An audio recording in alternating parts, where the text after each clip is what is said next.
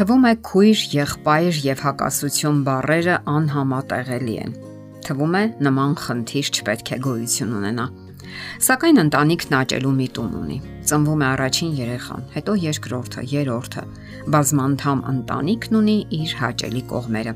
Դարեդար եղբայրներն ու քույրերը սիրել են իրար։ Որոշ մշակույթներում քույրը համարվել է սրբություն եւ նրա պատիվը բարձր է եղել ամեն ինչից։ Դա իհարկե հետո։ Իսկ մինչ այդ նրանք դեռևս երեխա են։ Երբեմն վիճում են, կռվում, հետո հաշտվում ու խաղաղվում։ Նրանք մրցակցում են, խլում միմյանց խաղալիքները, ծաղրում են իրար, բամբասում միմյանցից, նաեւ գաղտնիքներ պահում, խաղում իրար հետ ու խռովում։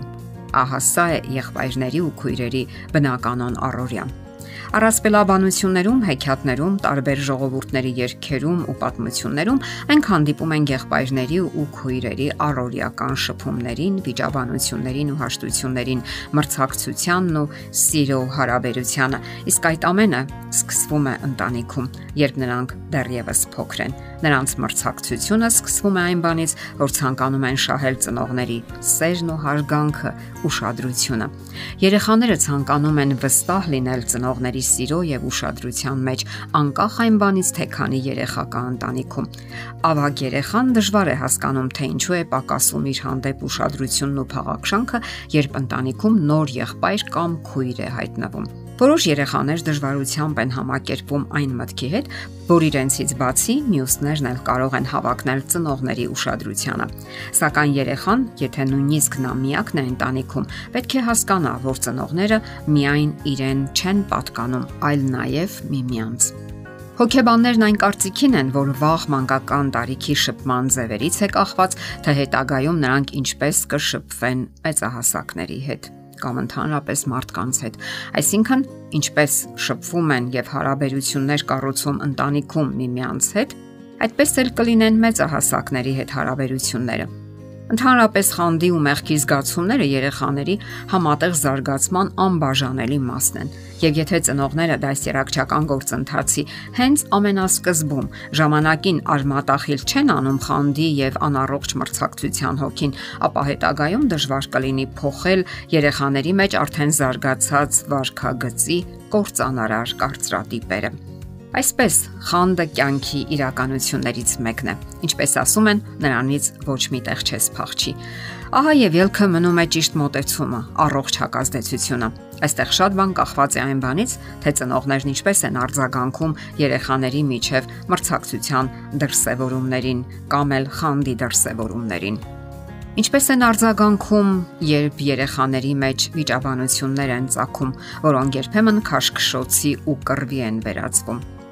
անկասկած է, որ հանդարտ չեն նայի։ Հավանաբար ոչ քիչ դեպքերում կհոգնեն այդ ամենից, համբերությունից դուրս կգան, կվշտանան։ Իսկ դա նշանակում է նաև, որ երբեմն չեն կարողանա հետևողականորեն բավարարել նրանց բոլոր պահանջմունքները։ Ճշմարտությունն այն է, որ երեխաներն իրականում ապավինում են ծնողների իմաստությանը եւ յենթագիտակցաբար հույս ունեն, որ նրանք ժամանակին կկանգնեցնեն իրենց եւ ճիշտ խորհուրդներ կտան, չէ որ նրանք կարիք ունեն հենց ծնողների զսպող ուժին։ Այո, անհրաժեշտ է սահման դնել հարազատ եղբայրների եւ քույրերի միջև մրցակցությանը։ Իսկ ինչպես։ Հարազատ եղբայրների միջև մրցակցությանը վերջ դնելու լավագույն մեթոդը կարող է լինել հետևյալը Դուք ստիպում եք նրանց նայել միմյանց աչքերի։ Սա հարկավոր է կիրառել հետևողականորեն եւ տևական ժամանակ։ Եթե դուք շփաթվա մեջ մեկ անգամ կիրառեք դա, միայն այդ պահին կլինի օգուտը։ Ուրեմն հարկավոր է ավելի հաճախ անել դա։ Բավականին ծնողներ կիրառել են այս մեթոդը եւ այն օգնել է։ Կախված տարիքից կարող եք 2-ից 5 րոպե նստեցնել նրանց դեմ դիմաց աթոռների վրա, որpիսի նրանք նայեն իրար աչքերի փորձեք եւ կզգաք արդյունքը։ Որոշ մասնագետներ խորհուրդ են տալիս մեկ ուրիշ մեթոդ՝ գրավոր բացատրության մեթոդը։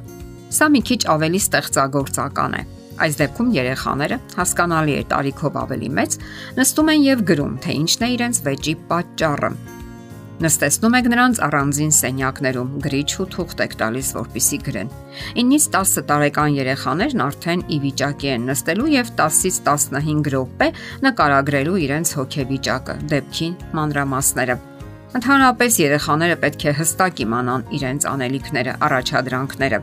եւ այն, ինչն է իրենց պատկանում եւ ինչը ոչ։ Սենյակում նրանք պետք է իմանան իրենց խաղալիքների եւ իրերի տեղերը։ Հստակությունը եւ որոշակիությունը մեծապես ազդում են նրանց հակասական որոշումներ ընդունելու վրա։ Եթե կարիք կա, թող նրանք ունենան իրենց երաշխավորված տեղը մեքենայում եւ սեղանի շուրջ, խաղատարածքում եւ այլն։ Իսկ ընդհանուր առմամբ դուք պետք է ստեղծագործական ծնողներ լինեք։ Ինքներդ որոշեք, ինչպես կարելի է հարթել կամ լուծել խնդիրը։ Շատ հարցերի լուծումներ առաջարկվել են հնարամիտ ծնողների կողմից, որոնց համար անկարևոր չէ իրենց երեխաների ճիշտ դաստիարակությունն ու փոխհարաբերությունը։ Դուք էլ կարող եք լինել այդպիսի ծնող, կիսվել փորձառություններով այլ ծնողների հետ։ Անցնելով դասերի եւ փորձերի միջով դուք հաջողություններ կունենաք, որովհետեւ ցանկանում եք ունենալ այդ հաջողությունները։ Իսկ առաջին հաջողությունները ձեզ ավելի կողքեշնչեն։